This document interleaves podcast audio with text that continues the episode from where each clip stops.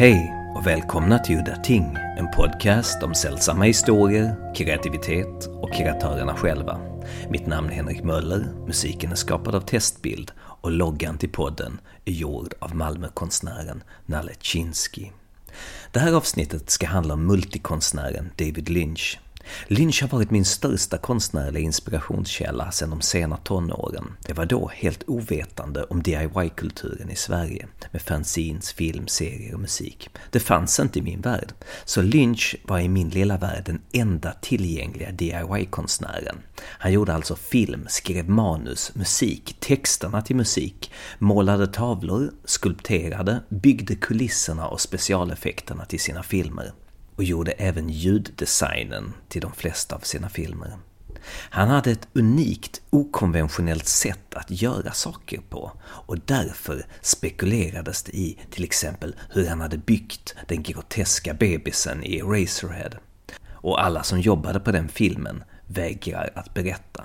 De håller alltså tyst och för myten vidare. Den första boken jag köpte om Lynch köpte jag cirka 1993 det var den franske Michel Kions bok och den heter bara David Lynch.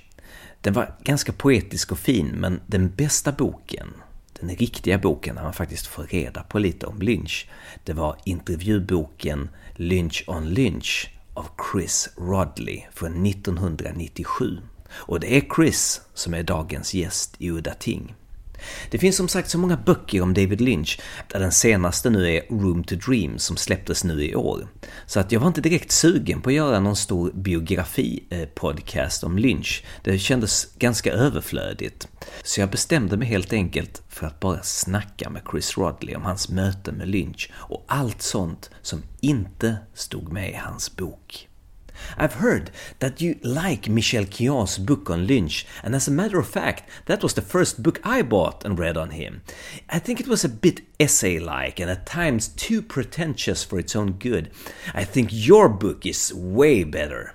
I find that surprising. I mean, I um, I read that book, I, and I think that book actually um, helped me so much. I remember reading it on the plane going over to Los Angeles to do the interviews with David, and I I, um, I, I sort of relied on it quite a lot, and uh, I think since then I didn't realize at the time that um, that uh, that he was a, he's a kind of um, a musician and a person who comes from musique concrète. That he was really a guy who was uh, interested in sound, uh, all kinds of sound as music um, or not, and that made an awful lot of sense. That now makes an awful lot of sense to me. So I have to say, I'm I'm I'm extremely flattered that you think my book was better than his, but I really did rely on that book. That was all. That was the the best book that was available at the time I did my book. There was this book called David Lynch Swerves that came out a few years ago, written by Martha Nochin, Nochimson. And she went out, or the publisher, whoever, went out and said, This is the book on Lynch. She, Martha, she has got Lynch to talk, and he reveals stuff in this book. This is the best book on David Lynch. And when you open that book, Martha has a little prelude to the book where she writes that Lynch came to her after seeing the transcript of the text and said, I think I revealed too much. I want to cut so and so many pages out of it. So she so uh, she had to cut, she had to do what Lynch said. And she says in that uh, opening word to the book that um, therefore, my book is broken. And I thought, thank you very much. I just spent so and so much money on this book, and now uh, he has cut perhaps some of the most interesting bits out of it. So, uh, my question to you, Chris did he cut anything out of your book? Early, probably in a very early morning call from David because of the time difference. He'd read, he'd read the Scallies, and um, so I said, Well, what do you think? And his reaction was, Chris, they should call this book Horseshit on Horseshit. And um, he was very, um, he, he, had, he cut about 14 pages. Now, interestingly, now, the 14 pages that mostly what he cut was all the stuff about um, transcendental meditation and all those kinds of things, um, which now seems very odd because it's all he bangs on about, but virtually. I can only assume at the time he didn't, which is what 1997 or whatever. He didn't want people to know about all that stuff that he did. Um, I didn't mind because I'm not. I, I, I, don't think I've always found it difficult to buy into that anyway, so I didn't really care about that. Um, but uh, yeah, it was all those kinds of things, and and yet now he seems to be quite happy to kind of um, talk about his methods and talk about certain systems and his beliefs. Um, which uh, you know I, I have never tried this I've never tried any of it so I don't really know. But the weird thing really the weird thing now is that he's as inarticulate as ever about his work. But there's something on YouTube I think where he talks about he talks about all this kind of stuff unbelievably articulate. I mean he talks for like 10 minutes. It's a 10 minute clip. Um, where he talks about the unified field and all that stuff I know very not very much about and don't I'm not that interested in actually. But he's very very articulate about that.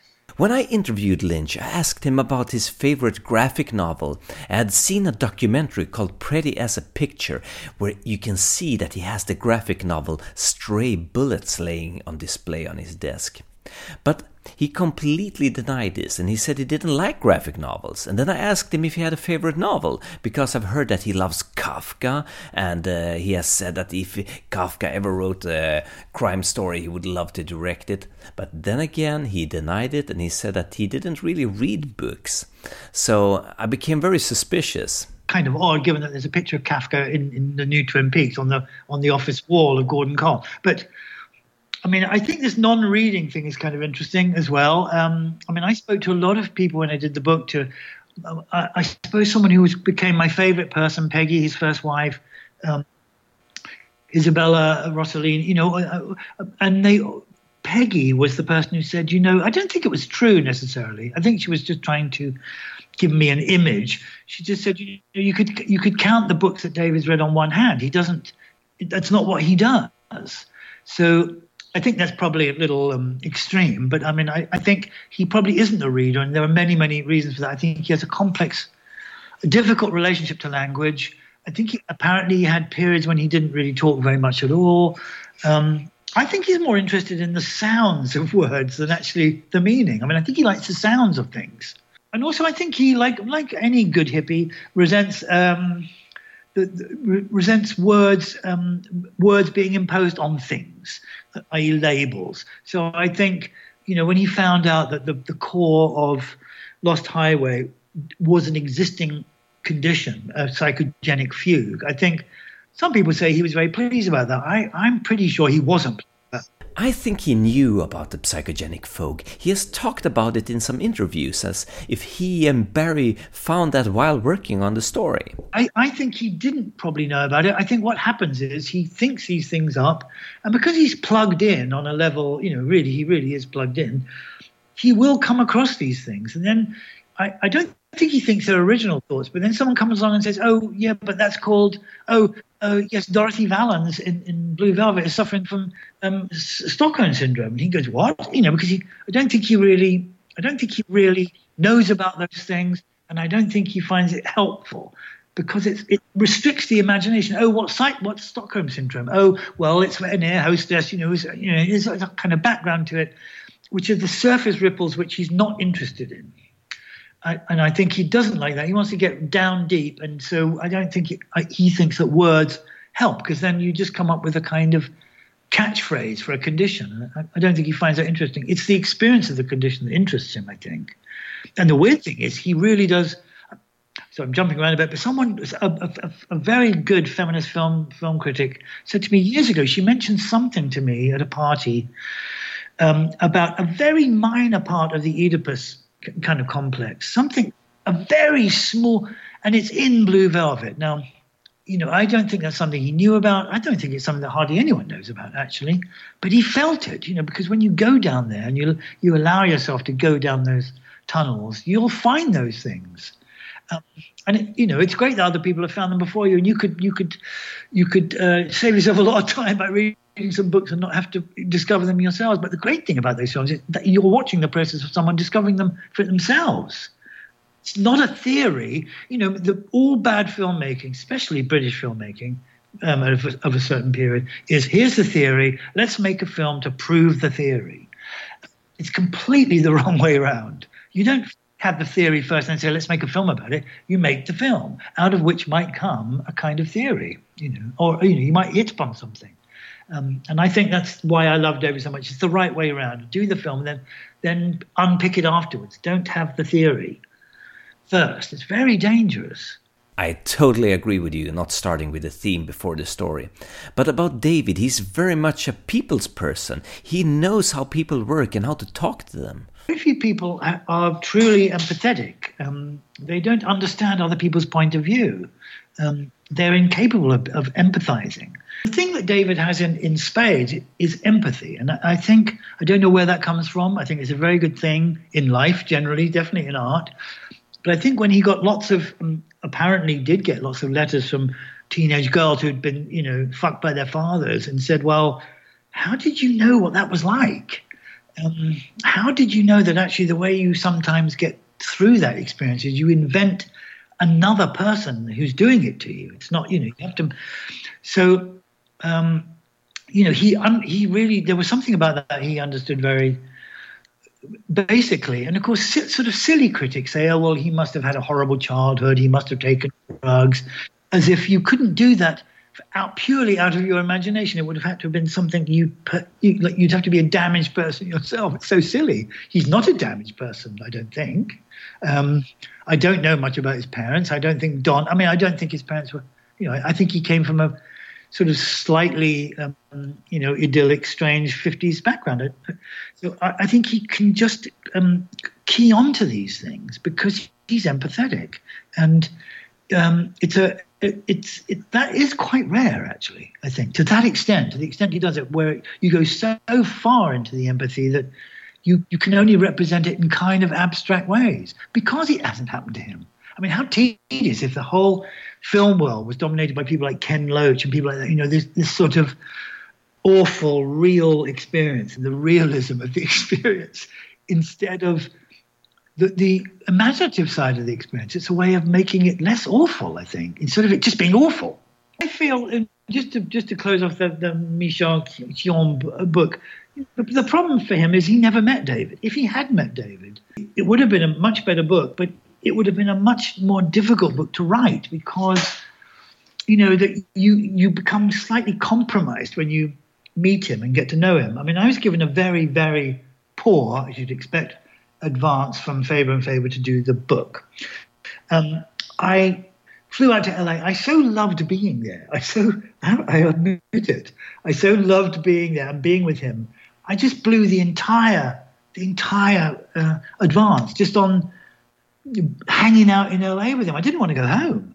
And, um, you know, it's an odd feeling that I dream about him an awful lot. I think about him an awful lot. Um, so I'm slightly compromised by those feelings. So when he says, as he did recently, something positive about Trump, I just go into a kind of deep depression because it's sort of like, don't do that because I've tried to be um, objective about him. I, I, am actually in many respects. And um, when I went to see his exhibition at the um, Fondation Cartier in Paris, whatever year it was, I I um, I was so gobsmacked by that exhibition.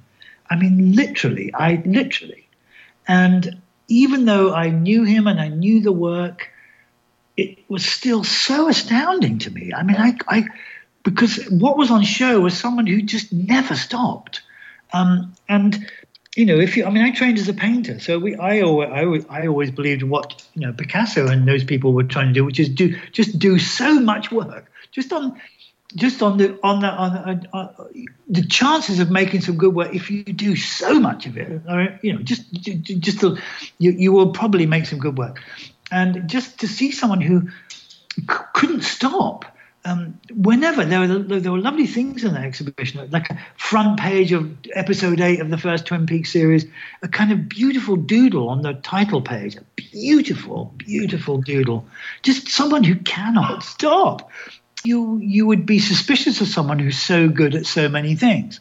But you know the the reason the book even happened is I this was in the days I, I think I sent him a fax. There's no email um, I sent a fax to the office and I said I would like to do a book which would be not just about your movies, but uh, but your photography and your painting and uh, your TV work and your music, and that was what did it for him. I think. Um, I think that it was that simple. Then when we had a sort of phone call, um, I just said, "Well, this is what I want to do," and he just said, "Chris, it'll be a blast," you know, and that was sort of that was it. That was it was done deal because it would be about all, all those things, and because he obviously had some even then some very slight um, doubts about you know celebrity painters and filmmakers who paint, and you know he he was sort of worried that the things he loved doing would somehow be seen because he was a, more famous for his filmmaking than anything else as sort of dabbling, you know, uh, I mean, I, I stayed in a hotel in, in Toronto when I was doing the film with David Cronenberg, second documentary, where um, you know the, the, the hotel was one of those kind of hotels, and it had you know a, a kind of exhibition of c- celebrity watercolors of you know flowers and things like that. So it was Tony Curtis. Tony Curtis had an exhibition in the in the hotel foyer of his awful paintings of of, of you know which were of course you know, irredeemably awful. And I think David, I think there's a tradition of that, and, and, David was a bit worried about that, even though it's quite clear from the work that there's no correlation at all. Um, and actually, it's clear anyway that for him, it begins and ends with painting. Everything else is a kind of offshoot. That's what, and I suppose because I trained as a painter, I recognize that. It was really about texture and all kinds of lovely things. Most of those early films, most of those films begin with a texture. That, you know, it's the sand of Dune, or it's the curtains of Blue Velvet, or it's it's the surface in, in Eraserhead, or Lost Highway. The, you know, they all begin with a kind of texture, and I think. I, I don't know why he felt sort of slightly defensive about it because it was clear to me that they were he didn't have to worry about that. And the photography is gorgeous, actually. Um, um, so that's what that's that's a long way around saying that's why I think he did the book because I didn't want to just do it about the filmmaking because all the clues are sort of elsewhere.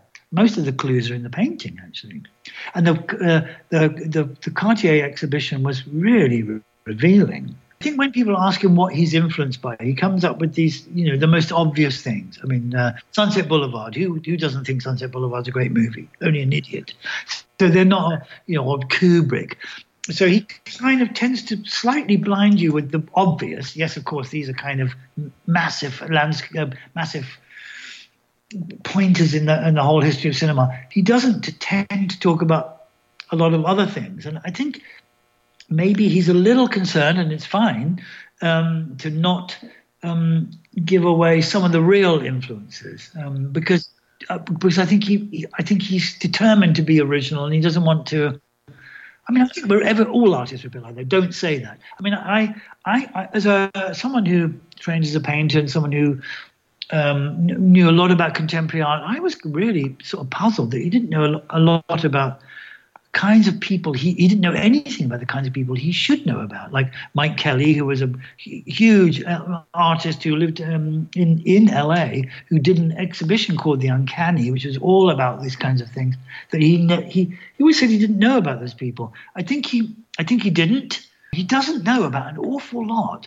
And of course we make those connections. We go wow but, but surely mike Kelley, you, you, you didn't see his show the uncanny? It's amazing um, and people go, no, I don't know who you're talking about. And these are people who live in the same town. I mean, I know people don't communicate very much in LA with each other, um, but these people who live next door virtually, and he, he would he seemed to be it seemed to be quite genuine. He didn't know about them, but also I think he does tend to kind of keep quiet about um, any real you know minor things that are real influence.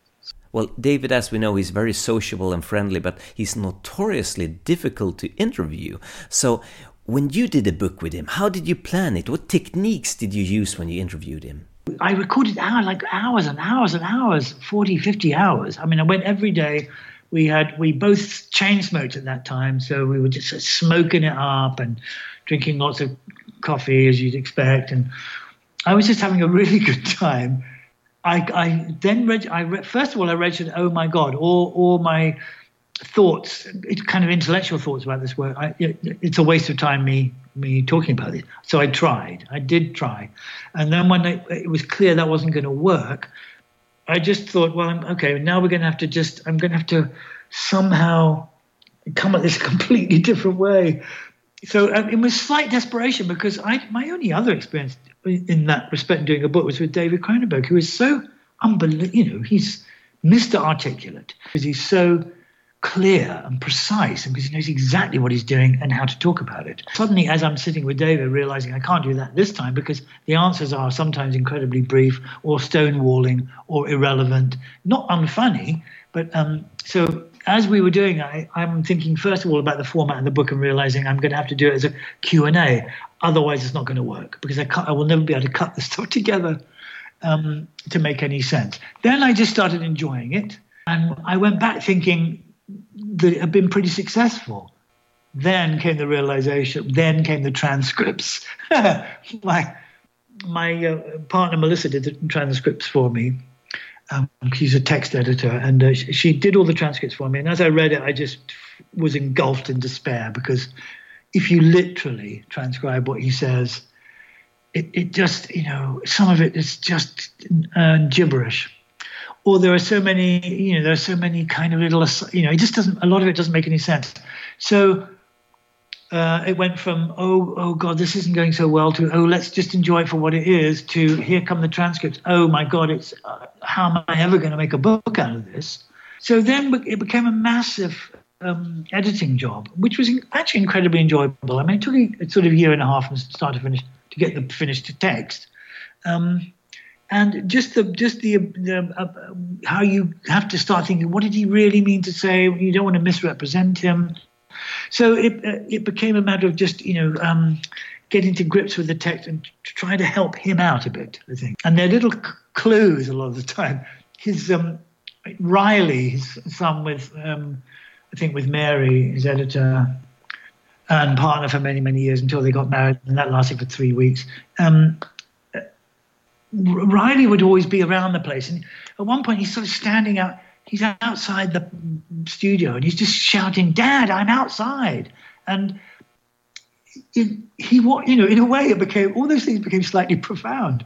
He was outside, but I didn't know what he really meant. This kid was it, you know, it's a bit like um, Peter Sellers character Chance in, in being there. Is that is what that person just said really profound, or is it just stupid? And actually, it's quite hard to tell sometimes.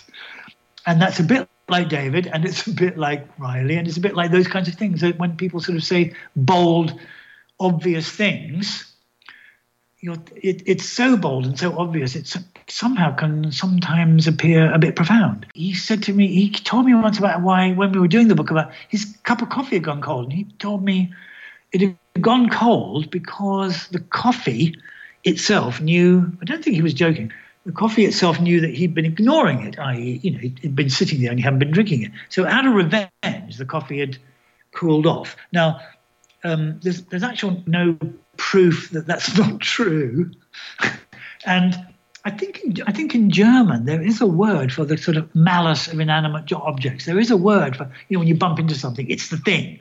It's not your clumsiness. It did it to you. One thing that struck me in your book is that when you suddenly get him to talk about his view on the afterlife, he, he said he doesn't like to talk about it, but, and then he goes on to describe what really happens when you die as if you wake up from a dream with a distant fading memory of it, and it's so unlike him. And today you would never talk about things like that. You really sort of got to him and got him to open up there. I, I think maybe Twin Peaks The Return, there's a lot of stuff in there which um, about this kind of thing. That, um, but I remember I had a catalogue um, f- for an exhibition he had somewhere, somewhere in Europe, and there was a little interview at the back, and he there was a very beautiful comment where he's talking about the actor George Burns and how when he died, he was very old, obviously. And he just said something about he was a little comment about how that would he was so old and lovely and wise. It's like a kind of piece of soft fruit, and that the pip must have come out. You know, I guess he's it's the soul or whatever he thinks. It must have come out of that piece of fruit very easily because it was very ripe and lovely. And I kind of thought, well, this is something. There's something very sort of a basic here about someone who really does believe really does believe, of course, not it's not for me to say right or wrongly, that it's something to do with it. There's something inside you that it's in, inconceivable to imagine that it would no longer exist. I'm sure you've had it. I, uh, I remember the, I remember very clearly the morning I suddenly real. I remember the day. I remember the date, the year when I was in front of the shaving mirror, and I suddenly got hit by this thing about you're someday you're no longer going to exist, and it's incomprehensible. And this big hole opens up, and you fall through it because it's not possible, and you don't want it to happen, and you can't believe it can happen. It's a terrible moment. Then you have to realize it's going to happen. But um, so I think that the way you I, I, uh, I think he has a he has a very clear idea about. Uh, I'm not sure what it is about what that will mean, and I think for him it definitely is a matter of a kind of transference of one kind of energy to another, which is a nice thought. I'm I'm not that hopeful, but I, I presume that's his thought. How do you think Lynch has changed over the years since you made the book? I mean, there's so many years ago now. We did the book, what, 97? I mean, it's 20 years ago. Um, I tend to think of him as that person opposite me 20 years ago, and, and um, he might, you know, I know what's happened to me, but I think you tend physically uh, and as an apparition. But I, I think uh, I, I tend not to think of my, you know, heroes like that. So I remember seeing the first photo of him when I saw him. Suddenly he, you know, he had a sort of wattled neck and a kind of loose collar, and that. Um, I, I was kind of shocked by it. I don't know what I was, why it was shocking, actually. I know why. I think probably because, you know, I was a huge fan and was always a huge fan of Samuel Beckett. And Samuel Beckett got to look better the older he got.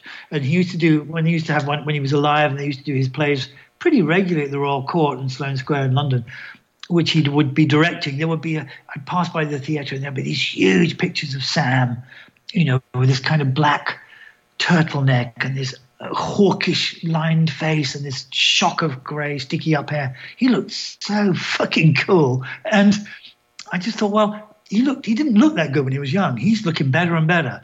So um, and, you know, in, in a way, all his knowledge and his um, artistry is kind of on his face. I mean, it's the best thing you could ever hope for if you're a man is to end up looking like Samuel Beckett when you're old. Um, and so I suppose that's my kind of yardstick. And I thought I think uh, David just just did begin to look slightly frail to me.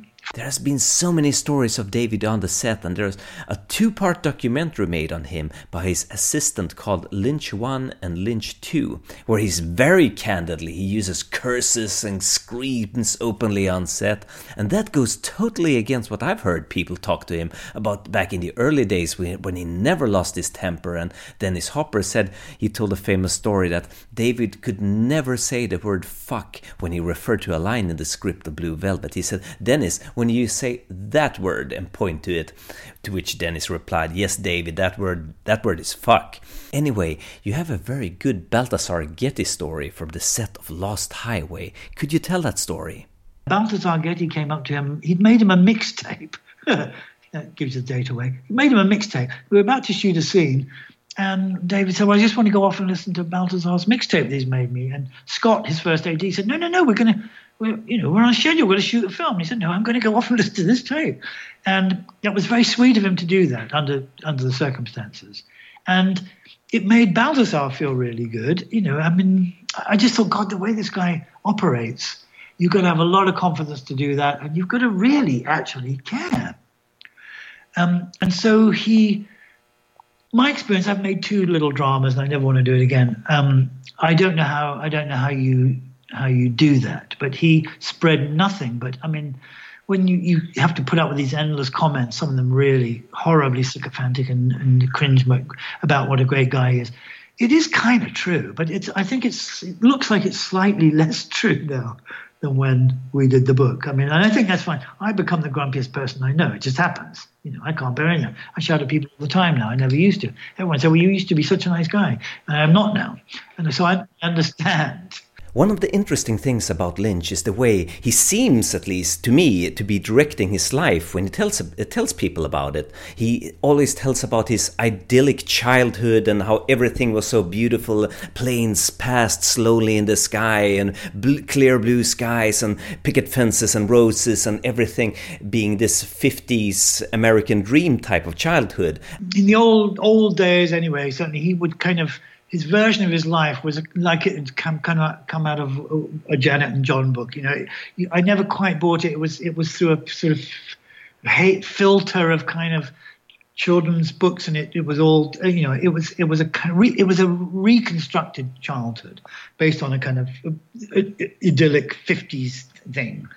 Um, so that nice that nice guy I mean, that's a smart technique, I think. I mean, if you're making really horrible things, it's it's really good if you're if you you know don't turn out to be like Abel Ferrara and a kind of slavering maniac in real life as well as in your films. Although I don't, you know, either. I don't mind that Abel Ferrara is a slavering maniac. He's made some fantastic films, and if he says I'm going to.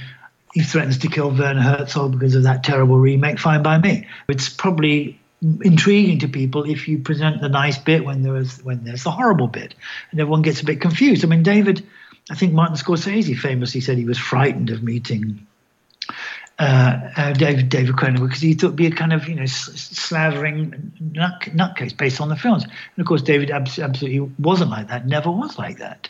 Lynch is famously the DIY artist, and he did all the special effects on Eraserhead. Have always been curious what Lynch's own makeup of the Elephant Man looked like. I hear his daughter Jennifer assisted him with that at the time. Well, I know he tried and failed, so that's why makeup artist Chris Tucker was brought in to finish the job.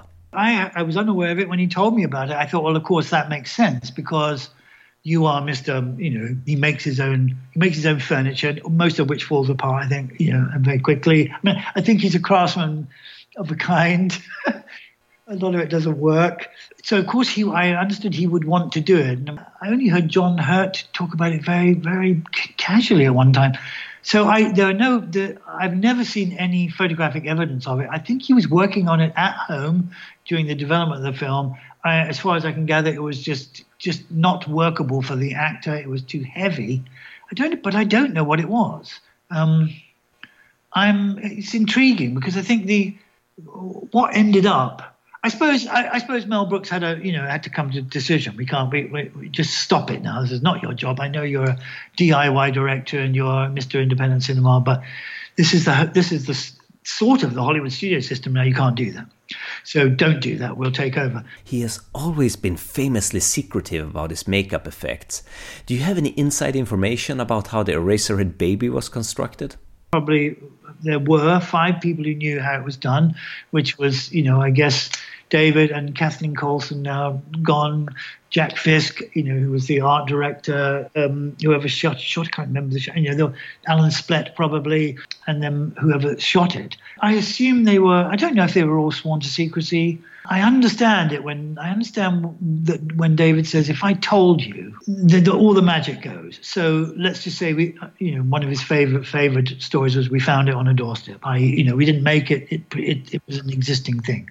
I think he loved it that Stanley Kubrick called him up and said, "Tell me how you did the baby," you know. And actually, that's a very telling thing because you've probably seen it, but there is um God, I wish I could be more specific. There is something on YouTube of a guy who's obviously a film critic, maybe somewhere in Asia, I know some Asian country. He just calls up Stanley. I don't know where the hell he got the number. It's, it's absolutely genuine. He's, he just calls up Stanley and asks him about the end of 2001. What does it mean? And he had himself have you seen that? Yes, that's amazing. But you know, it's actually Stanley's assistant that dials the number for him. But still, who is this guy? He's so naive and amateurish, talking and asking questions like a child would ask. You know, he's talking to one of the greatest artistic minds of all time, Stanley Kubrick. I mean, Stanley Kubrick, he had an IQ test and his IQ was like way off the chart. You can hear Stanley being somewhat confused at times, like, what the hell is this? Like, what's amazing about that? It's, it's all of David Lynch's fears, um, but Stanley isn't afraid, you know. So I think Stanley says at one point, I don't like to talk about these things because if you say the idea, it sounds really banal, whereas to see it, it's much more. But, and then he goes on to explain it. And it's, it's what you thought, but there are some little details in there which make it so much more. So there's a lesson in there for Lynch, actually, which is I think Stanley saying, describing to you what was going on in his mind and why they did it that way, he made that scene, he made the ending of that film bigger for me, actually, in talking about it. Because there were just some tiny little details. And I thought, God, that is so clever. And I would never have thought about that. I think when he says, "Oh well, that you know that white room," and that's because this you know um, alien force of energy or whatever it is is trying to. It's like a human zoo. They're trying to create a kind of zoo-like environment, like you might for a, for a polar bear, but they don't really understand what this guy might like. Like you probably wouldn't understand what a polar bear would like. So they make a kind of environment they think you might be comfortable in, but it's all a bit shit and it's not quite right. And that is really clever, I think. That would never, ever have occurred to me. I understood the big idea, but not the detail, the kind of the kind of lack of understanding from this great understanding force, you know. So for me, I think that's a good lesson for, for David. You, it doesn't have to diminish the idea by saying what you were trying to do. It can make it bigger, actually. Um, I loved that. It was really very, very um, revealing to me that strange little thing, while all the time thinking, why was Stanley talking to this guy? That's the trick, isn't it? That, it's, it's so shitty. It doesn't need to be you and me talking to these people. It has to be someone who's really like, could be a total dumbass. You call them up from some, God, I know, somewhere, God knows where, and you you don't have to engage. You just have to go, yeah, yeah. Everything they say, you don't take them up on anything. You don't develop the idea. You just let them talk. You go, yeah, yeah. So they still know someone's on the other end of the line. And you might get some absolute gems. Some people might be really frightened if you ask them something too intelligent and think, oh my God, what's he after? Or what's she after? What's she really want to get? What's she want to get at? So, back to David Lynch. Did you visit him on any set during a film? I, I, was on the set of Lost Highway, and that's sort of where I got a lot of the interview material with David. But it's, an, it's interesting, Lost Highway, because um, Patricia Arquette, um, I thought nailed. I did a little 20 minute film about the making of it for the BBC. Um, and the joke of the film was we're never going to find out what this film is about. And No one knows what it's about. And anyone who does isn't saying. So, but Patricia Arquette really sort of nailed it, I thought. I think she just sort of said this is about a guy who does something very bad. And in order to deal with something that he's done that's very bad, in his mind creates another character who is everything he's not. So he's a kind of good-looking guy. He gets lots of pussy. He's um he's you know he's he's but it but so this is someone who's completely opposite to yourself. He's got a kind of successful life as a stud and a young attractive guy and then but the problem is if you if you have um, repressed something, that those repressions don't go away. They start to bleed into even your imaginative life. So even your imaginative life goes to shit because actually you haven't successfully totally repressed the bad thing you did in the first place. So I thought, well, that's it, isn't it? That is the answer. And I don't think Lynch is going to tell me that, and I don't think Barry Gifford's going to tell me that. It's about how you can't you can't really escape those things. You can repress them, and you can make up another life for yourself. Um, but you can't. They're going to come back and haunt you. There's no, no, no escaping. So it will come round again, and it'll infiltrate your fancy life as well because it's you. You, you know, you have your real life, and even your fancy life can't escape your real life. Um, which is nice. I thought she that was very. It's a horrible thing to say that I, I was impressed by that, but I, I suppose because I've talked to a lot of actors who aren't very smart, and I thought that was very smart. Also because he lied. You know, David lies. I don't. He's always maintained the inspiration for that film was that someone rang his, you know, doorbell one morning and said Dick Laurent is dead. I think that. I mean, that is. I know that's bullshit. I don't mind, but I just don't believe that. I think you, there are some things you need to say to make it sound intriguing, just get people off the track. You know.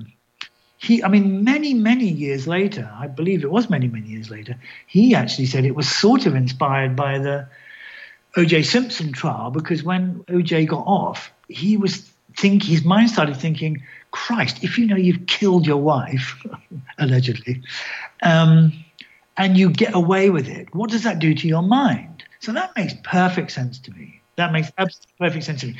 But I can, know it makes perfect sense that he didn't say that at the time because he doesn't want you know, these works, great works of imagination, to be tied to anything as banal as an actual real news event. You know, someone saying, keep that quiet. Um, he did mention O.J. Simpson when we did the book, and, and he mentioned O.J. Simpson when we did the book, but not in that context. He just said it was a surreal moment when he heard the when he heard the when he heard the verdict come down. He didn't. He had plenty of opportunities saying that actually gave me the inspiration. He didn't do that. It's some bullshit about Dick Lawrence is dead. But Patricia Arquette weren't really happy on the shoot of uh, Lost Highway. She's very unhappy about her body. I don't think she had ever taken her clothes off on screen before, and I don't I, I, don't know if she's done it since. I suspect not. And I think she did that for the role. And I think he, well, she, there's a script, right? Um, so she knows it has to be done. So I think there were some things that she felt very, very uncomfortable about. It's the case. It's it's like Judy Davis doing Naked Lunch. You know, she that that was way out of her. You think she'd done or out of her range or out of her interest. And as, as she, I think she says in the documentary, why did he even ask me? Why me? It's not even, you know, where did he get that idea from? I think the lovely Isabella Rossellini was didn't have any problem with any of it. She just had a problem that he fell out of love with her, and it was always incomprehensible to her. and I agree. What the hell's going on? Um, I mean, when I talked to her on the phone, she was still. She just said, "I can't. I don't think I put it in the book. I can't remember." She said, "Yeah, I said I can't watch the films anymore because how could he? How could he not love me anymore? I mean, I, I think it was that sort of not arrogant. It was that honest. How could he not love me anymore? He loved me, and then he didn't. But look at me. How could he not love me anymore? I mean, that doesn't make any sense. And I, I thought, I, you know, I thought, yeah, right, I'm with you. How could that possibly be? But now she's obviously overcome that because now they do panels together and they're all sort of lovely and happy. I, I don't know how many, how many, how many of these people you'd want to actually live with. I mean, I, I remember when I was doing the book one morning, uh, Mary and I were in the kitchen in, in this house, um, and he's David's out there and he's screaming, you know, this something about the tree. I think it was something like this Mare. He called her Mare, not Mary. You know, Mare. This tree is it's grown. It's been it's grown overnight. It's going. You know, it was some. She was just you know raised eyebrows. You know, looked at me and then she's going, David, it's not it's not any bigger than it was yesterday, but it was to him, you know, and it was a kind of threatening thing. And it was a real experience for him. He was going on and on and on about how this tree had grown, was getting out of hand, um, which no one else noticed. And who's to say it was or wasn't true? But I mean, it's those kinds of things. You know, I tend not to inflict those on my partner. The guy who made Dead Ringers and Videodrome, would you want to go to bed with that guy? You might. You you might actually even think about it and go, no. I, you know, I, I, don't want him checking out my trifurcate womb. I, I, I no, no, you know, it's fair, it's fair enough. Mind you, you wouldn't, you really wouldn't want to go bed with, you know, David Curtis, would you? Have you know, some rom com terrible person. That would be boring as hell. In Wild at Heart, there is an infamous scene. I don't know if you've heard about this, but when the Lime Green Lynch DVD set was released, there was a disc with 80 minutes of deleted scenes from Wild at Heart. But of course, the infamous scene was missing. The scene in question is the aftermath of the torture and killing of Harry Dean Stanton's character. Grace Zabriskie and her lover get all worked up and horny as they torture him and blow his brains out and behead the body. Then they proceed to make love on the corpse, and Zabriskie pushes the severed head between her legs as she comes. This scene had something like 90% of the audience walk out of a test screening. The scene was the most disturbing scene in the film, and it came way too early in the film. For me, it's a bit like. Um uh, maybe scanners in David Cronenberg's career. There comes a time when you know every full-blooded young man goes does this kind of crazy thing. I think it's probably his weakest film. Like I'm, i think maybe Scanners is not one of David's best. When you're kind of riding high and you just feel you can do anything and you're doing what every you know awful testosterone-fueled boy will do, uh, and you'll just sort of go crazy. Um, so I, I'm, I'm, i can quite believe it. Um, I can. I think there are many. I mean, whatever whatever is that scene is like, I don't think there's probably anything worse than than you know watching someone walking around after a car crash with their fingers inside their skull and hearing you know the, their brain squidging because it's coming out through their skull because they've had a car crash and slowly sort of you know their mind going. I mean, I I can't think of anything worse than that. I mean, it's screwing a headless corpse. I mean, you know seen that all before. I mean, I, I've never really seen things. In, there are things in, in, in Wild at Heart, small things, which are very, very, very horrible, I think, and kind of haunt you. And they're not the cartoony things. They're not Bobby Peru's head coming. You know, they're not those sort of obvious things.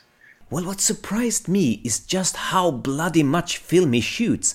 80 minutes cut together film from Wild at Heart, and something I've heard something like 7 hours from Fire Walk with Me, and God knows how much he shot in Inland Empire since that was shot digitally, it didn't cost anything. Oh, yeah, there's masses of it, masses and masses of it. But, you know, in a way, it's funny with him. They he, he then takes it all out, all the all the Jeff all the Jeffries. You know, he takes it all out, shoots it all, and then he takes it all out, and leaves you with these little fragments, which are kind of um, lovely and evocative. But actually, you sort of do need a bit more. You do need. Then you have to. Then you have to. You have to make a whole, you know, eighteen hours to explain some things. Um, I don't know. I don't know why you would do that. I suppose for me as a director, I would don't, not really. I would personally choose not to do that. I'd just shoot what you need. And I, actually, I'm. I'm. Uh, I think when Cronenberg, you know, he's so economic, and I suppose actually in a way that would be more my technique. I mean, the, the, he sent me the script of Crash, um, which was only 76 pages long for a for a feature film, and he cut that Mean, you cut a whole character out. I mean, it's so lean. It's lean and mean, and it, it's. I, I like that about him that actually he interrogates things very hard. So, do we need that? Do we need that? Um, he doesn't shoot that much to begin with, and then even then he says, "Do we need that?" A couple of times it's failed. I think with Videodrome he took out some probably too much, so it made the plots slightly inexplicable, certainly to uh, um, execs at Universal Pictures and and and to audiences. And I think maybe in Rabid there was some he cut some stuff out because they weren't they were dialogue scenes. They were e- e- explanations.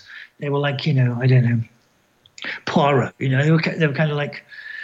So he took them out because they were boring him. But actually, it did make it. In both cases, in both those films, it made it slightly inexplicable, slightly inexplicable. But um, I, I kind of like that cut to, you know, that kind of cut to the bone, really, really mean. I'm thinking if Dave's going to shoot all that stuff, what's going to happen to it? It's, it's actually, you know, because you fall in love with some of it, you can't cut all of it out. So you get a little bit of David Bowie, but you're, and it's very evocative and very lovely, but slightly unsatisfying because you know there's a huge backstory. And when are you ever going to see it?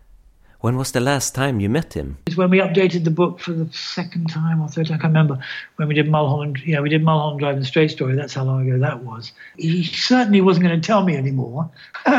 um, and but I think he was just more easy around me. So one at, at one point he, which is something he would never have done the first time we met, he knew, um, could you just step outside the room for a minute? And I it's you know it's big windows, and I just stood outside the room. And it was clear that he had under the desk he had um, a, uh, a, kind of copper funnel on a swivel, so he could swivel it out and piss into it, um, and then um, put it back. So it was quite. So he just wanted to piss. He just didn't want to leave the room. So I think he was more. He was just more easy uh, with me, and he knew I he knew a I wasn't going to betray him because he'd, he'd seen the book and we'd agreed on the cuts. B that I was not really going to get too frustrated with him not being able to give me the answers that I was obviously craving. Um, that we, um, you know, uh, we could both smoke it up again, and we we we come very close because I had a heart attack in the meantime. So we we we kind of were able to talk about other things like, oh my god, I had a fucking heart attack. Oh my god, you know, it's all that, you know, what's it, what's happened in your life? You know, he he hates interviews. I mean, he just hates them. So when some guy's going to fly over from London and he's going to come, I mean, that first that first tranche of interviews, I was there every day for like you know ten days or something, in the morning, and um, you know, it, it I think I, I made it easy for him. Maybe I made it too easy for him actually, but I think it, it, he got used to he got used to it. You know, it wasn't going to be a trial. I wasn't going to ask him anything anything dumb. Like you know, you see lots of interviews with Lynch on, on, on YouTube, and you get these voices off. I feel sorry for them. What, when someone says, "What was the theme of?" You know, he kind of looks like I don't have thief. You know, I'm not. I don't start. You know, no. So you know, I feel sorry for some people who don't know what they're in for. Although, no excuse, you should do your research. Um, and I guess people get asked a lot of dumb things. And also, they get asked about their movies instead about other things. You know, it's, it's often about other things. I think it is in the book where he describes. I don't even know how we got there, but he describes about how the, his experience his first time he masturbated. And the way he talked about his that first experience of masturbation, I thought it's just like everything else, actually. That to you, it's a kind of wondrous. You know, someone says if you do this with your hand, you'll have these kind of sensations, and this stuff will come out. You know, and it's literally like a kind of innocent and alien and just like trying something out, you know, and oh yeah, look, something is coming out at the end. You know, it's a, it's kind of not related to, it's not sort of spoilt by any nasty fantasies, although, you know, I don't know what he was thinking about when he did it, and that's not for me to say, but anyway, but it, it's described as a kind of, um, you know, as just as it is for kids, you know, just discovering stuff. What does this do? How does that work? Can you remember any interesting things you observed while watching him work on set? Think on um, Lost Highway, one one of the nights, Gary D'Amico is a guy who used to do all his kind of um, a lot of his special effects. So he'd be in charge of the wind machine and the strobe to make those things happen. You know, because it was all about it happening in camera because he never did any digital effects in, at that time. Um, he wanted, and I understand why, and I absolutely approve. No CGI, no digital effects. If I can't see it happening, if I can't see what it's like, I, I, can't be, I can't, you know, I can't judge it. So don't tell me that 12 compositors are going to come later, come on along later on and help me out. So Gary did all, a lot of his in-camera effects. So, but Gary obviously, you know, anyway, one night Gary was crossing the floor, the sound, of the stage, the set, bowling alley, and um, and he just said, Gary, because again, Gary kind of swivels around. And Gary had often, had obviously gone to his house and helped him to put up some massive speakers in the house uh, on the walls or something. And David just screamed at him, Gary, those speakers aren't going anywhere, man. And he kind of give a big thumbs up. And, and, and Gary beams, you know, Gary smiles the biggest smile because the director shouted right across the set, you know, and complimented him on the good job he'd done putting his speakers up in his house. And that's that's to that to me, I thought that's the clue. Now Gary, when it comes to doing the next scene, Gary's really going to be busting his balls. That's not why he did. That's not why Lynch did it, but it's to show, you know, or someone who will say, "I'm going to take you to the only restaurant in LA where I can smoke inside." so we went to a burger house. I think only David was allowed to smoke. We got a little booth out back, and he was allowed to to to, to uh, light up. You know, those kinds of um, lovely little things, and. Uh, those are I love that. Those are the things I sort of treasure and remember. The book is either you know either works or it doesn't. Can't go around you know interviewing people and not have a, a some kind of other thing going. Otherwise, it's not going to. It doesn't work for me. Um, and that, that's harder with someone like Cronenberg. He's very um, not very revealed very much about himself. He's very he's lovely, but he doesn't you know you don't get many in, indicators. Uh, he, he's not a guy to say let's go out for a, a beer, let's go out for for a dinner. Um, in fact, we never did. We never ever socialized ever ever ever over a long period of time, ever. I actually once when he came to London, and it was very boring actually, um, and I don't know why. There's always their un- unsung heroines. I'm just going to do a wee plug. These great artists, or not great, these artists usually at that time might be different now. Had there were there were these women who looked after them. Brilliant. David was looked after by someone called Sandra Tucker. I don't think I would have gotten anything like the access to him or I don't think it, I think it would have been a completely different deal. She was very straight laced. I often wondered why she was with him. I never liked to ask because pretty I would imagine pretty much everything he stood for and anything he put on screen would have hor- did or would have horrified her. I would have thought, but certainly that generation of male director would always employ not a man uh, but a woman and probably a very nice, lovely, well-mannered, middle-class, middle-aged woman to look after them because they're good grafters, they're good nurturers, you know. So it's, it's already slightly corrupt, that relationship. But what you do is you end up uh, meeting lovely people who look after sort of maverick, mad talents. Ja, och med de orden så avslutar vi dagens avsnitt. Mitt namn är Henrik Möller, musiken är skapad av Testbild. Hej då!